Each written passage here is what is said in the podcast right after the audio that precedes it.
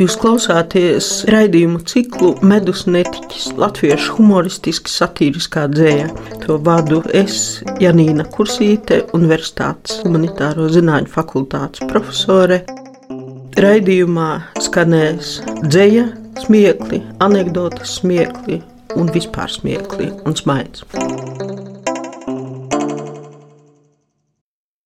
Tagad par ironiju, un postironiju un sarkasmu. Satīras, bet arī humora nozīmīga sastāvdaļa ir ironija. Šis vārds ir aizgūts no senajiem grieķiem, kur tas nozīmēja neko citu kā izlikšanos. Ironija šķietami slavē, atzīst kaut ko liela, bet ar slēptu nolūku izzobot un izsmiet. 20. gadsimta kultūra pētnieks Mihails Bahtins rakstīja: Ironija ir nedzirdami reducēta smiekli, kas neskan, taču saglabā smieklu struktūru, tēla un vārda uzbūvē. Ironija šoreiz jau bez Bahtina pierēzes var iedzelt kā žiletes asmens, protams, ja tas, kuram tā veltīta, vispār spēj ko tādu uztvert.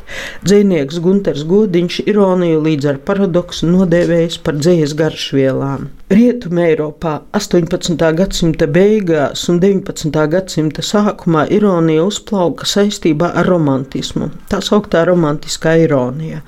Latvijā tas notika Drusku vēlāk, e, šī paša 19. gadsimta otrajā pusē, uzstādot augstus ideālus un vienā brīdī saprotot, ka tie ir nesasniedzami. Romantiķi apkārtējo pasauli, kas viņuprāt traucē ideālu sasniegšanu, šaustie ar kodīgām ironijas bultām. Literatūra pētnieks Guntis Berelis ar atskatu uz ironijas vietu un nozīmi latviešu literatūrā rakstījis, ka, citēju, nomest pārmērīgās nopietnības krustu literatūras spēju spēja vien uz īsu brīdi 20.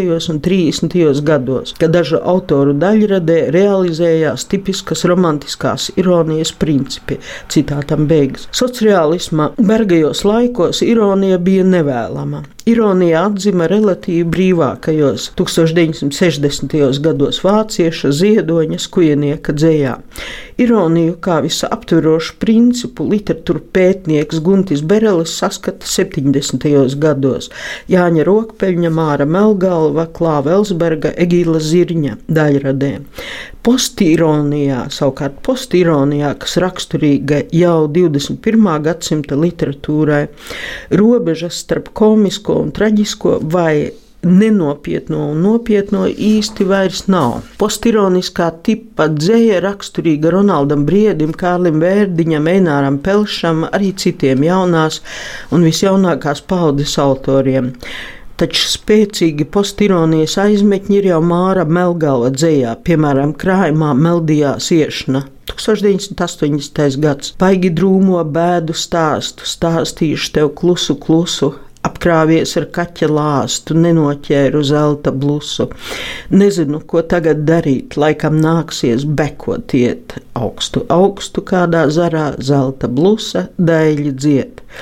Šo tekstu viens var uztvert kā ironiju, cits kā nopietnību, visiem labi. Saturiska divdomība, dažkārt tīša bezdomība ir jaunlaiku dzējas valodas pamatā. Postironija palīdz pateikt ar dievs postmodernismam, publiski nepazemojot savu priekšteci. Ironisku izteiksmi veido smalkāk izteiksmes rīki nekā sarkasms kurš bliež izsmieklu vai pat naidu tiešā mērķējumā. Uz sarkas māsumu un raupjumu norāda jau pats vārds, kas sengrieķu valodā nozīmē plosīt miesu. Taču dzējas realitātē nevienmēr var novilkt robežu starp ironiju un sarkasmu. Viens nemanām var pāriet otrā. Ironija un sarkasms dažkārt veiksmīgi aizstāja pat lamu vārdus. 17. gadsimta dzējas poetikas autors Johans Višmans rakstīja, ka latvieši, kuriem patīk rīkot lamāšanās, šo tieksmi nereti pārvēršot ironiski, sarkastiskā izteiksmes veidā. Piemēram, sakot tā, tu esi godīgs putns. Te būtu divi audio faili - Aija Dunkere par kundzi un Lilija Vuļa par kapiem.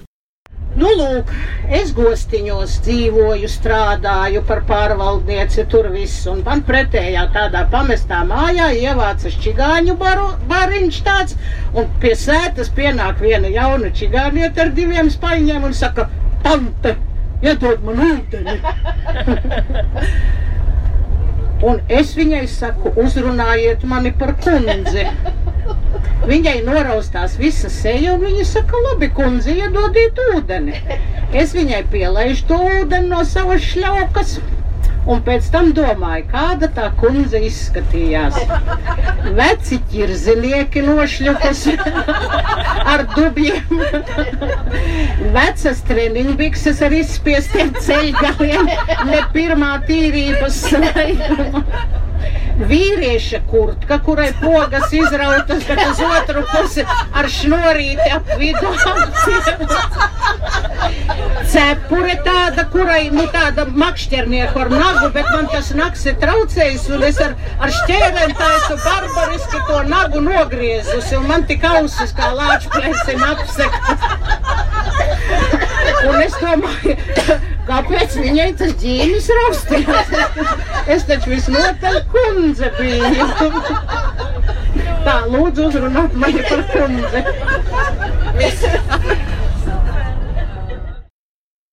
Man ir, nu, man ir suņi, un es ar viņiem eju katru vakaru staigāt. Un, un, un, tagad rudens, novembris, tumšs, līst lietus, pūš vējš. Un man tas aplīts iet nu, tā gar kapiem. Nu, man tāds ka, ikokar aplis 4 km, un tad es eju. Un, un, un tagad es tuvojos tiem kapiem, un pēkšņi atskan, es jūs jau te gaidu. Nu, es tā sastingstu un domāju, iet, neiet. Bet tad seko turpinājums. Grieziet pa labi! Tad cilvēks stāv uz ceļa, gaida kaut ko un zvana pa telefonu.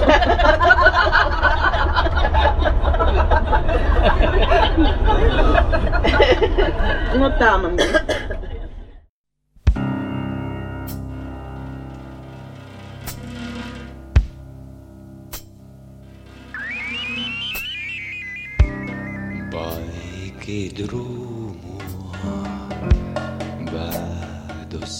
Stāstu,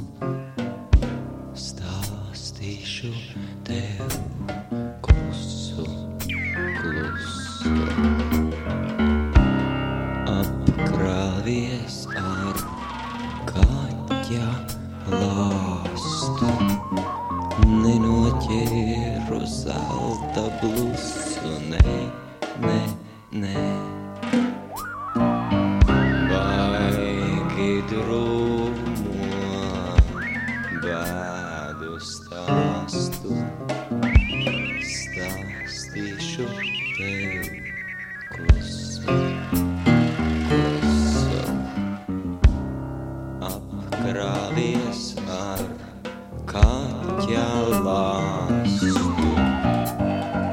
nenoķēru zelta blusu, nē, nē, nē.